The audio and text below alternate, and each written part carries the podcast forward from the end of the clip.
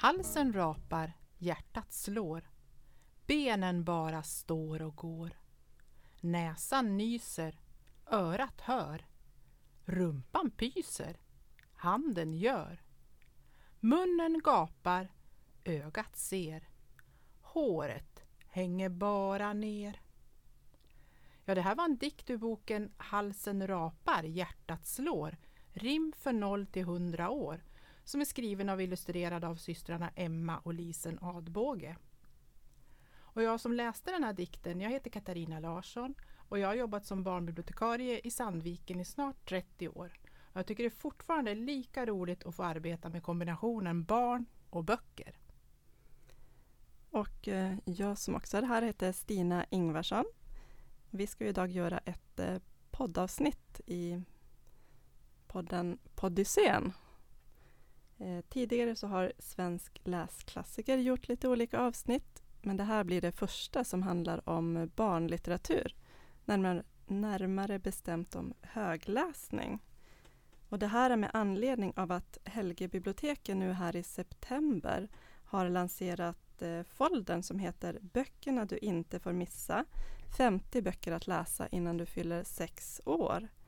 Den här eh, fina foldern har ju du Katarina varit med och eh, tagit fram. Kan du berätta lite mer om den? Ja, vi har ju snott idén från Eskilstuna stadsbibliotek där man för några år sedan tog fram en folder med 100 bilderböcker. Jag tände på den här idén och la fram den som ett förslag till både min chef och till Region Gävleborg. Och då visade det sig att det var ju fler som tyckte det här var en bra idé. Så för ungefär ett år sedan så satte vi ihop en grupp bestående av tre barnbibliotekarier i länet. Så förutom jag så är även Anneli Lindeborg Oja med från Gävle och så Hedda Winter från Ljusdal. Och eh, Tinne Wennerholm från Region Gävleborg har också varit med och bland annat skött kontakten med alla förlag och avtal och andra sådana här krångligheter. Men hur eh, gjorde ni då när ni skulle rent praktiskt välja ut 50 bilderböcker bland eh, hela den här floden av böcker som finns? Ja, det är inte så lätt. Eh, först så valde vi ut våra egna favoriter och skrev långa listor och sen försökte vi enas då om en gemensam lista. Och sen vi blivit klara så har det getts ut massor av nya böcker som ja, ibland blir ens nya favoriter men man måste ju sätta punkt någon gång och bestämma sig. Vi valde också att ha eh, bara 50 böcker i vår folder, för 100 tyckte vi inte kändes riktigt greppbart i en lista. Även om det naturligtvis finns ju hur många böcker som helst som vi inte vill att man ska missa. Den här foldern är ju också väldigt vackert illustrerad av Lena Sjöberg. Hon är ju en bilderboksskapare som ursprungligen kommer från Sandviken. Och vi är alla otroligt nöjda med hennes illustrationer. Och själv är hon ju representerad i den här listan med boken Cirkuslopper. Målet är ju att uppmuntra högläsning och kanske få chansen att möta nya bilderböcker som man kanske inte hittar annars. Men vi har också jättemånga klassiker som Alfons och Petson och sådär. De finns ju också med. Så om man då har något eh, barn i sin närhet som är mellan tre och sex år så kan man alltså gå till närmsta bibliotek och hämta ut den här foldern och börja läsa helt enkelt. Eh, kan man få tag på foldern på något mera sätt? Ja, den finns ju att skriva ut på helgebiblioteken.se. Men jag tycker att man ska komma in på biblioteket och hämta en fin folder i färg och passa på att låna sina första böcker. Då. Och när man har läst hälften av böckerna, 25 stycken, då är man välkommen in på sitt bibliotek för att få en egen bilderbok som man inte behöver lämna tillbaka. En present alltså. Och när man har prickat av alla böckerna i listan, då får man ytterligare en bok. Det är ju som sagt en jättefin folder. Det är lite retrokänsla över den, både i Lena Sjöbergs bilder och i färgsättningen och sådär.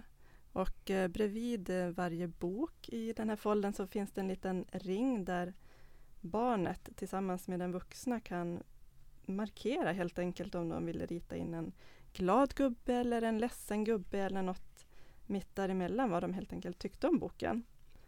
Jag hoppas att eh, många barn och vuxna där ute får trevliga högläsningsstunder här under hösten när de börjar beta av de här böckerna. Ja, det hoppas jag också. Vi har ju plockat med, med oss lite grann av våra favoriter ur den här listan och eh, min absoluta favoritbilderbok det är ju Pia Lindenbaums Gittan och Älgbrorsorna. Den har jag läst eh, hur många gånger som helst och den håller fortfarande lika bra. Om den här eh, tjejen Gittan som jättegärna önskar sig en eh, bror. Eh, men hon har ingen. Istället så får hon tre stycken stökiga älgbrorsor som sitter på trappen när hon kommer hem en dag och de, de är ju alldeles för stökiga för den här ordningsamma Gittan. Det är en bok som man har roligt när man läser både som vuxen och som barn. Eh, har du någon favorit Katarina? Många favoriter men en är ju helt klart Bockarna Bruse på badhuset av den norske författaren Björn Rörvik.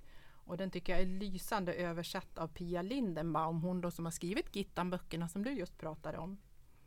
Eh, det är illustrationer av Gry Morsund och de är verkligen så här fulsnygga. Nästan ritade som ett barn och urklippta och påklistrade på ett väldigt speciellt sätt.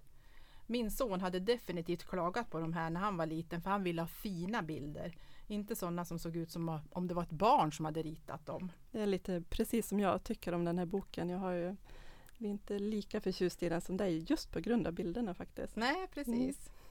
Mm. Eh, och den här boken den bygger ju på att man känner till den traditionella berättelsen om bockarna Bruserö.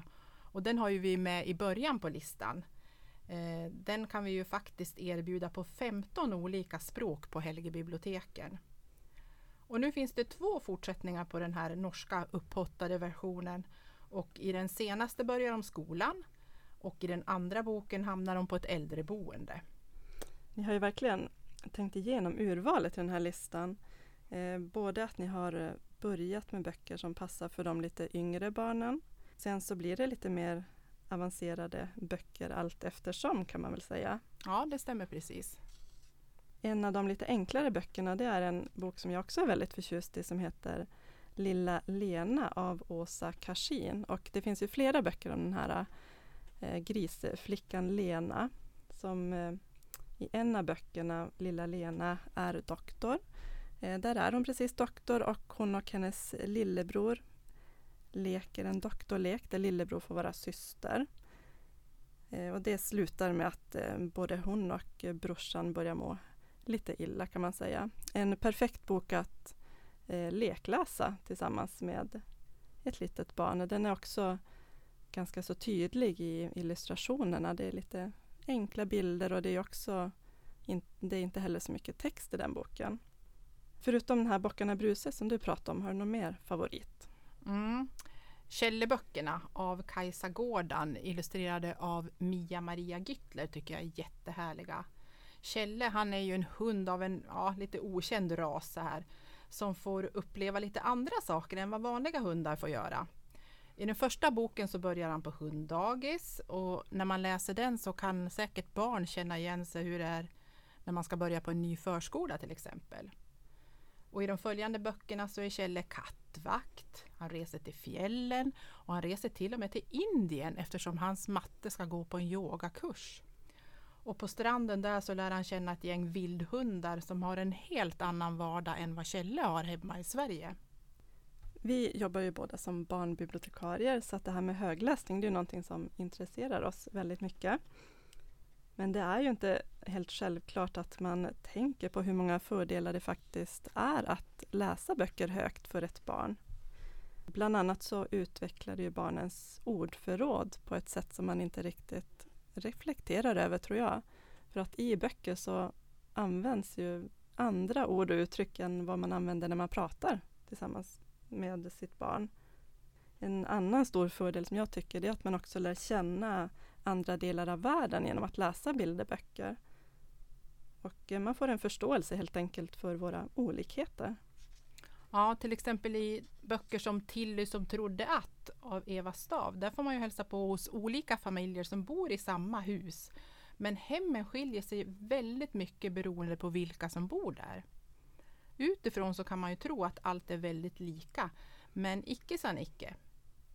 Och en annan bok som kanske hjälper en att förstå hur det är att fly till Sverige från ett annat land, det är ju länets egna Viveka Sjögrens bok Om du skulle fråga Mischa där hon beskriver flykten på ett väldigt finurligt sätt.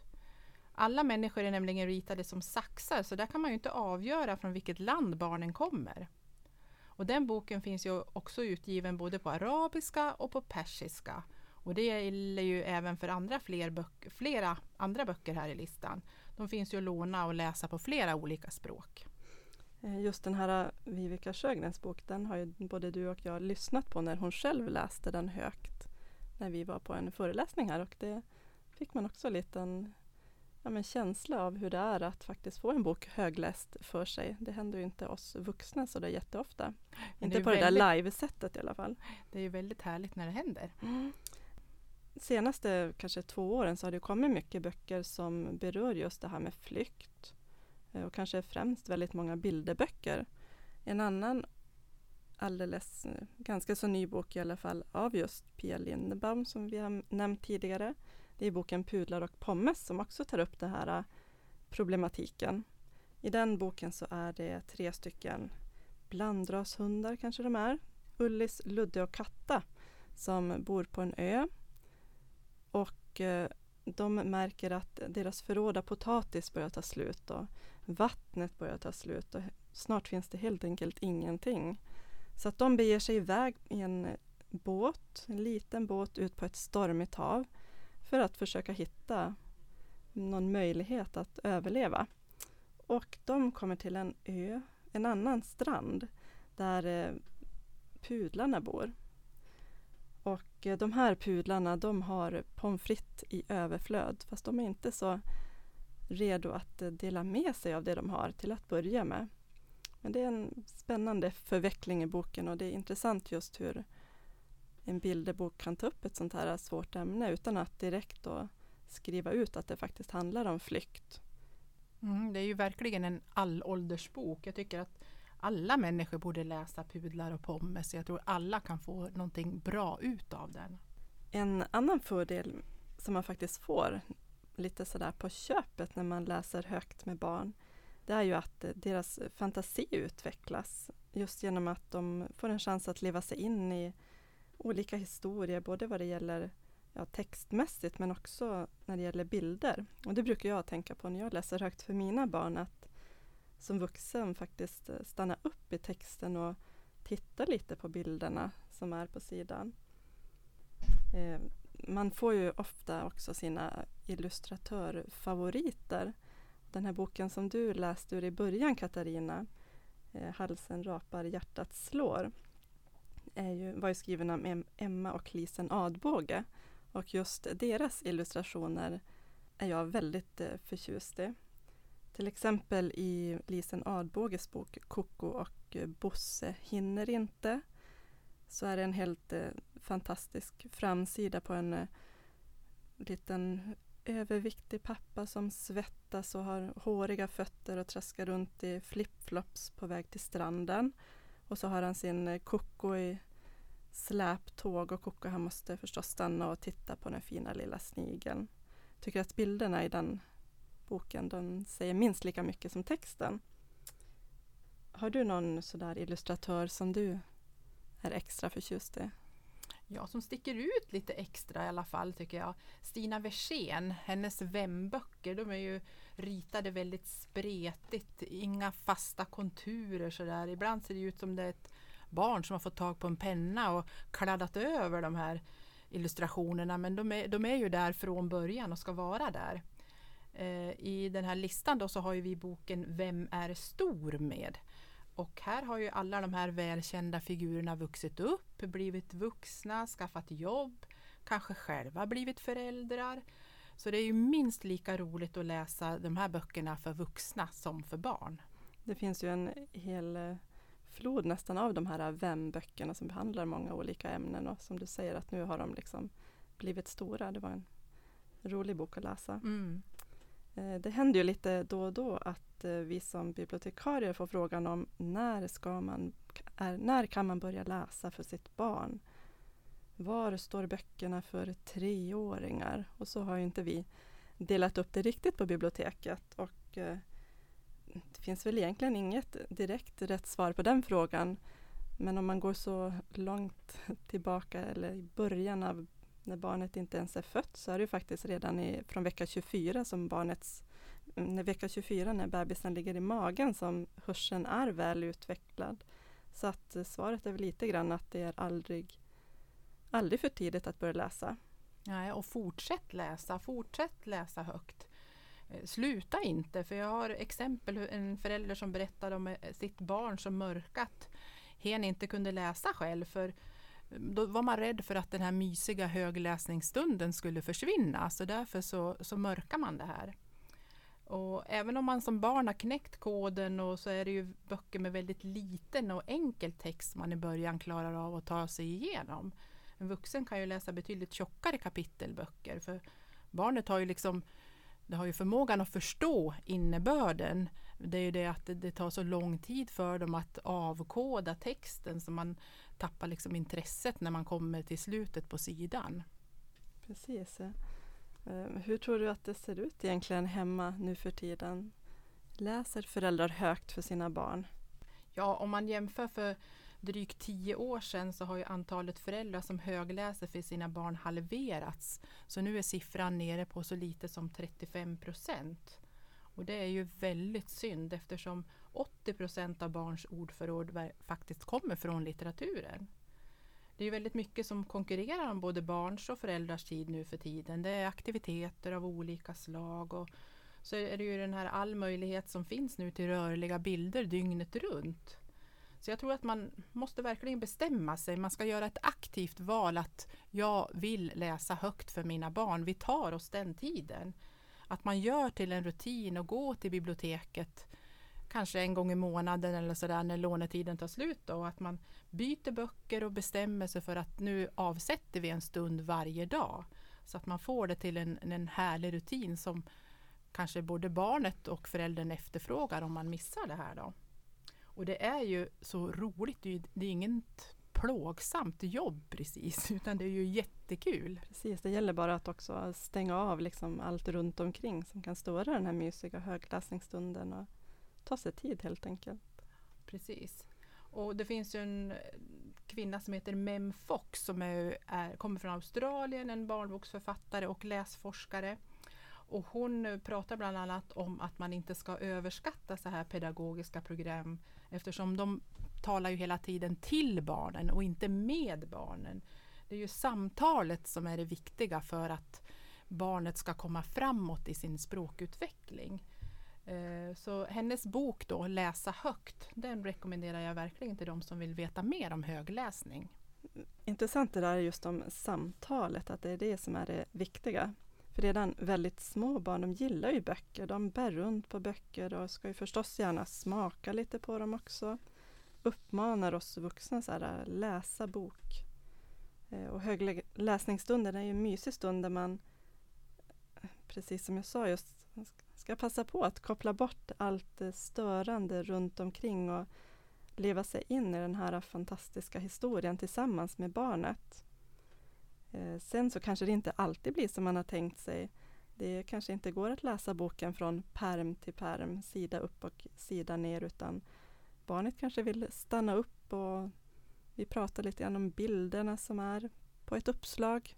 Så kanske man inte tog sig igenom boken under den här högläsningsstunden, men det är ju ändå ingen bortkastad aktivitet.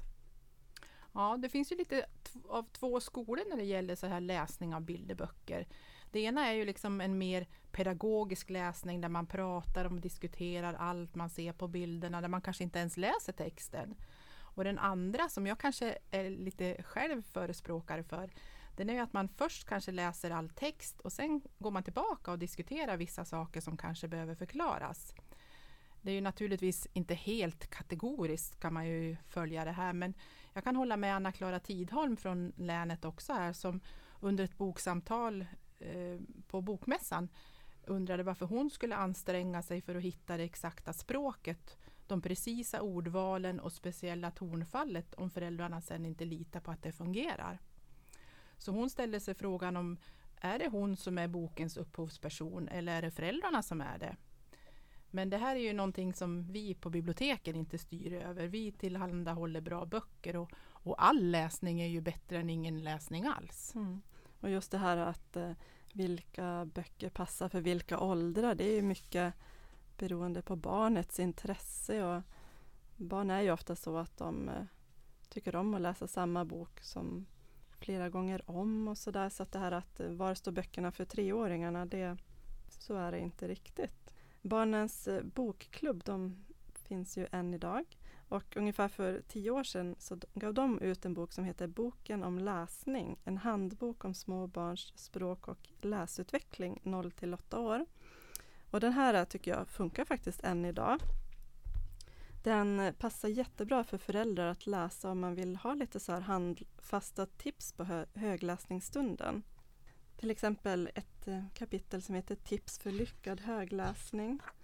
Eh, där man kan eh, pratläsa, sjungläsa och att det kan vara bra att först läsa igenom texten tyst. Alltså som vuxen för att få en liten förståelse. Men allting är ju liksom att det ska kännas roligt att läsa. Ett annat kapitel den heter rimmare, rimmare blir läsare. Och eh, här tar man bland annat upp eh, Lennart Helsings verk. Han menar att eh, med ett rytmiskt språk så blir det lättare för barnet att ta till sig texten. I den här eh, foldern om 50 böcker man ska läsa så har ni ju bland annat med Här dansar herr Gurka av just Lennart Hellsing. Och nu hade jag tänkt att jag skulle läsa en av hans dikter här. Där uppe i gardinerna, där hänger apelsinerna. Gorillorna med brillorna, de plockar säcken full. Piraterna, soldaterna, de äter upp tomaterna och duvorna tar druvorna och lägger i en korg. Men grevarna, baronerna, de plockar ner citronerna och handlarna tar mandlarna och sen är inget kvar. Det gäller att hålla tungan rätt i mun när man ska läsa den där högt, men han är ju och kommer väl alltid att vara en fantastisk, ja, en riktig skatt för oss. Och vill man grotta ner sig ännu mer i högläsningens fördelar då kan man ju läsa Karina Fasts bok Läslust i hemmet. Hur går det till när man väljer vilka böcker man ska läsa? Då? Låter man barnen välja själva? Och hur har vi som bibliotekarier gjort? Eh, mina tre barn de är ju alla över 21 år och dina tre de är alla under 7. Så dina erfarenheter är ju lite mer aktuella. Hur gör mm. ni? Ja, eh, mina barn de är ju inga flitiga biblioteksbesökare precis. Eftersom jag rör mig bland eh, hyllorna i biblioteket en stor del av min arbetstid så är det ju faktiskt jag som lånar hem böcker. Men när böckerna väl är hemma så då får de välja ganska fritt vad de vill att vi ska läsa och eh, ja, det varierar lite grann och ibland vill de läsa samma bok kväll efter kväll. Men eh, då känns väl det helt okej okay och det är väl kanske mycket för att det jag har eh, lånat hem det är ju sånt som jag faktiskt gillar att läsa också själv. Och det tror jag lyser igenom ganska tydligt hos barn att har man en bok som man ska läsa högt och så är man själv förtjust i den, då märker barnet det och tycker att det blir en rolig stund. Hur gjorde du då när dina barn var små? Ja, när mina barn var små då var det också faktiskt mest jag som valde. Eh, eftersom jag jobbade med barnböcker så lånade jag hem alla nya bilderböcker och så läste jag högt för dem.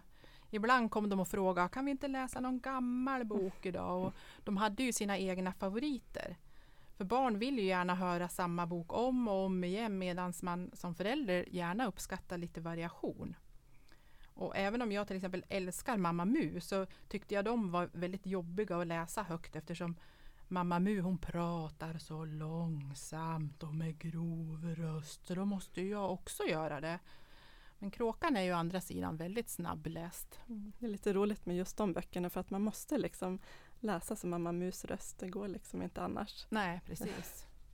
Och sen kan man ju också tänka på det här att om man ska välja böcker, om man går till biblioteket, barn och föräldrar tillsammans, så kan ju föräldrarna få välja några och barnen får välja några, så blir alla nöjda. För det kan ju vara att man har sina egna favoriter eller sådana som man tycker sämre och bättre om. Mm. Vi har ju också gjort så på Sandvikens folkbibliotek, att vi har plockat ut lite grann av ja, men just de här figurerna som barnen själva känner igen och de är också utplacerade på de här bilderbokstrågen så att barnen lätt ska hitta ja men säg Alfons och Mamma Mu och Halvan-böckerna som annars kanske skulle komma bort lite grann bland alla de andra böckerna. Mm. Men just att ja, välja lite, att båda får välja, det är nog en bra, bra idé tror jag. Mm. Och eh, sen är det ju jättebra att fråga oss som jobbar på biblioteket också ifall man behöver tips på, på böcker att läsa högt eller man kanske behöver tips på bilderböcker som tar upp eh, svåra ämnen som döden kanske eller har barnet snöat in totalt på dinosaurier och man försöker hitta någon bilderbok om det så kom och fråga oss om hjälp. Mm, där har jag en väldigt rolig historia. För när min pojke var liten då bad han mig att sluta låna hem dinosauriefilmer. Och jag hade aldrig lånat hem några sådana filmer men däremot faktaböcker då eftersom han gick ju igenom en sån här dinosaurieperiod. Och jag ville vara en snäll mamma och låna hem massor av faktaböcker. Men då sa han att filmerna kommer till mig när jag sover. Mm. Ja, det är roligt hur de kan leva sig in liksom i en historia. Det känns verklig. Det jag tänkte lite grann på när jag först eh, såg den här folden som du har varit med och tagit fram. Det var att det var ju nästan bara böcker där originalspråket är på svenska. En stor del av böckerna i alla fall. Hur gick eh, diskussionerna runt det när ni valde ut böckerna? Ja, i Sverige är vi ju lite bortskämda med att ha så många duktiga bilderboksförfattare och illustratörer. Så vi är ju faktiskt ganska självförsörjande. Jag tycker att man kanske kan jämföra det med den här svenska musikexporten som det brukar pratas om. Kanske Astrid Lindgren inspirerat några som i sin tur inspirerar andra. Man kan ju lyckas och man kan försörja sig på det även om det säkert är svårt för många. Och det är ju inte bara vi själva i Sverige som uppskattar svenska bilderböcker för de köps ju in av utländska agenturer och översätts till massor av andra språk också. Och det känns ju lite grann som att många av de här svenska bilderböckerna de är inte sådär gulligulliga utan de representerar verkligen den svenska vardagen som både barn och vuxna tycker om att känna igen sig i. Men vi har ju böcker som kommer från andra länder med i listan också. Till exempel Kvela Jamela, de böckerna som skrivs av Nikki Daley, mm. en sydafrikansk författare. Och de här populära böckerna om grodan som är skrivna av Max Welthuis från Nederländerna. Och eh, de senaste åren har det ju också getts ut många av de klassiska sagorna i bilderboksformat på många olika språk. Och i 50-listan då tog vi med den som vi pratade om från början här, Bockarna Bruse. Under hösten här på Sandvikens folkbibliotek och eh, Litteraturhuset Trampolin och våra filialer så kommer vi ha just temat högläsning. Och många av våra program kommer att utgå just ifrån den här folden Böckerna du inte får missa. Några av programmen det är Aston Stenar som blir lördag den 21 oktober klockan 12 inne på Trampolin. Och då kommer vi att eh, titta på filmen från boken och eh, skapa lite olika stenramar blir det nog mest troligt. Lördag den 25 november då är det boken Guji Guji som står i fokus och då får barnen skapa egna spännande ägg. Och höstterminen den avslutar vi sen med en utställning i Tillgången som heter Bilderboken och där kommer vi att bygga upp eh, mysiga läshörnor utifrån de här olika bilderboksfigurerna. Ja, på biblioteket i Storvik där kommer man ju att jobba med mycket lokal anknytning utifrån boken Fäbods sommar på Nymmene av Fred Eriksson. Och vid varje tillfälle så kommer det att vara ett fäboddjur som står i fokus då man till exempel får prova på att karda ull och läsa och ramsa i anknytning till får och lamm och sådär. Det låter ju jättespännande tycker jag. Mm, det lät som en jättekul idé och kul att kunna koppla det lite lokalt sådär. Så det var lite av programmet som kommer bli nu under hösten. Eh, jag skulle också vilja tipsa om två olika program för barn som består av högläsning i olika former. Dels är det ett program som finns på urplay.se som heter Lässugen Eh, det här programmet det gick tidigare på Barnkanalen så jag har tittat på det ganska många gånger. Och här är det olika kända personer som läser högt för flickan som bor i huset. Hennes föräldrar de är inte hemma så att för att hon ska få någon som ska läsa högt för henne så suger hon in olika personer i sin lässug. Och det kan vara, ha varit bland annat Markoolio och Babben och Lasse Åberg och lite olika så. Men det var ett trevligt program att titta på. Sen en annan podd som riktar sig till barn som heter barnensbokpodd.se. Det är en dramatiserad högläsningspodd för alla 3 till 10-åringar. Och det är ju ett eh, ganska så brett åldersspann. Men eh, man får välja ut de program som passar för, för åldern helt enkelt. Här kan man till exempel lyssna på boken Sväng går på kalas som ju är en bilderbok och det är ett sju minuters avsnitt. Eh, men sen finns det också böcker för lite äldre barn. Till exempel Dan Höjers bok Arkeologdeckarna och Inkaskatten och det är hela fem avsnitt och varje avsnitt är ungefär sådär en halvtimme långt så det blir en ganska, ganska så lång podd att lyssna på men ja, trevlig högläsning. Mm. Och för alla vuxna som är intresserade av barnböcker, både bilderböcker, kapitelböcker, ungdomsböcker och sådär, så kan vi ju tipsa om podden Bladen brinner.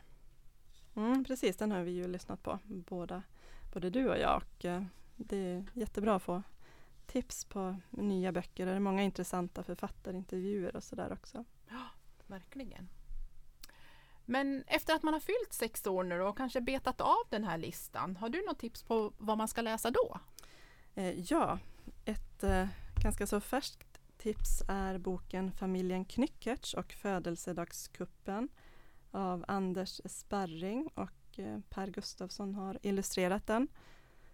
Det är en kapitelbok om familjen Knyckertz. De försörjer sig på att ta saker av andra. De är bovar helt enkelt. Det är pappa Bove som han heter, mamma Fia och lilla kriminellen. Och sen så är det också storebror Ture. Och den här Ture han, eh, han skiljer sig lite från de övriga familjemedlemmarna för att han tycker inte alls att det är okej okay det här att stjäla saker. Han tycker inte att det känns bra. Eh, det här är en bok som är rolig att läsa högt och den inleds faktiskt med en liten varning det står så här på första sidan. Ops! Tänk på att inte göra som familjen Knyckertz. Man ska aldrig knycka saker. Folk blir lätt ledsna och så kan man hamna i finkan. Det är mitt eh, högläsningstips för sådär 6, 7, 8-åringar. Mm. Eh, jag kan tipsa om eh, Amy, Aron och anden av Ulf Stark.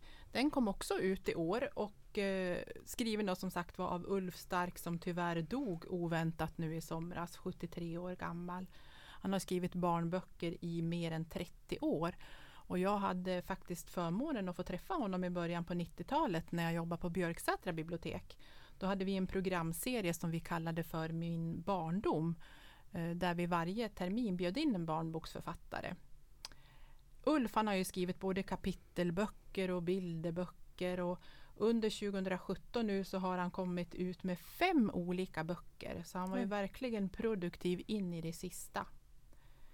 Amy, Aron och anden. Eh, det handlar om två barn som tillbringar en hel del, del tid på en skrot. Och där hittar de en dag en oljekanna i vilket det bor en ande. Och när man är kompis med en ande då kan allt möjligt hända. Och fast det är en kapitelbok så ryms det massor av fina illustrationer. De är även här gjorda av Per Gustafsson då, som mm. gjorde illustrationerna till familjen Knyckertz. Och Per Gustafsson fick, finns ju också med på den här femte listan med bland annat böckerna om Så gör prinsessor. Ja, men ska vi försöka sammanfatta den här äh, podden lite grann så kan man säga läs böcker för era barn. Det är superroligt, både för dig och barnet. Ja, och hämta en folder på ditt närmsta bibliotek och börja på er resa i bilderböckernas spännande värld. Tack för oss! Mm, tack!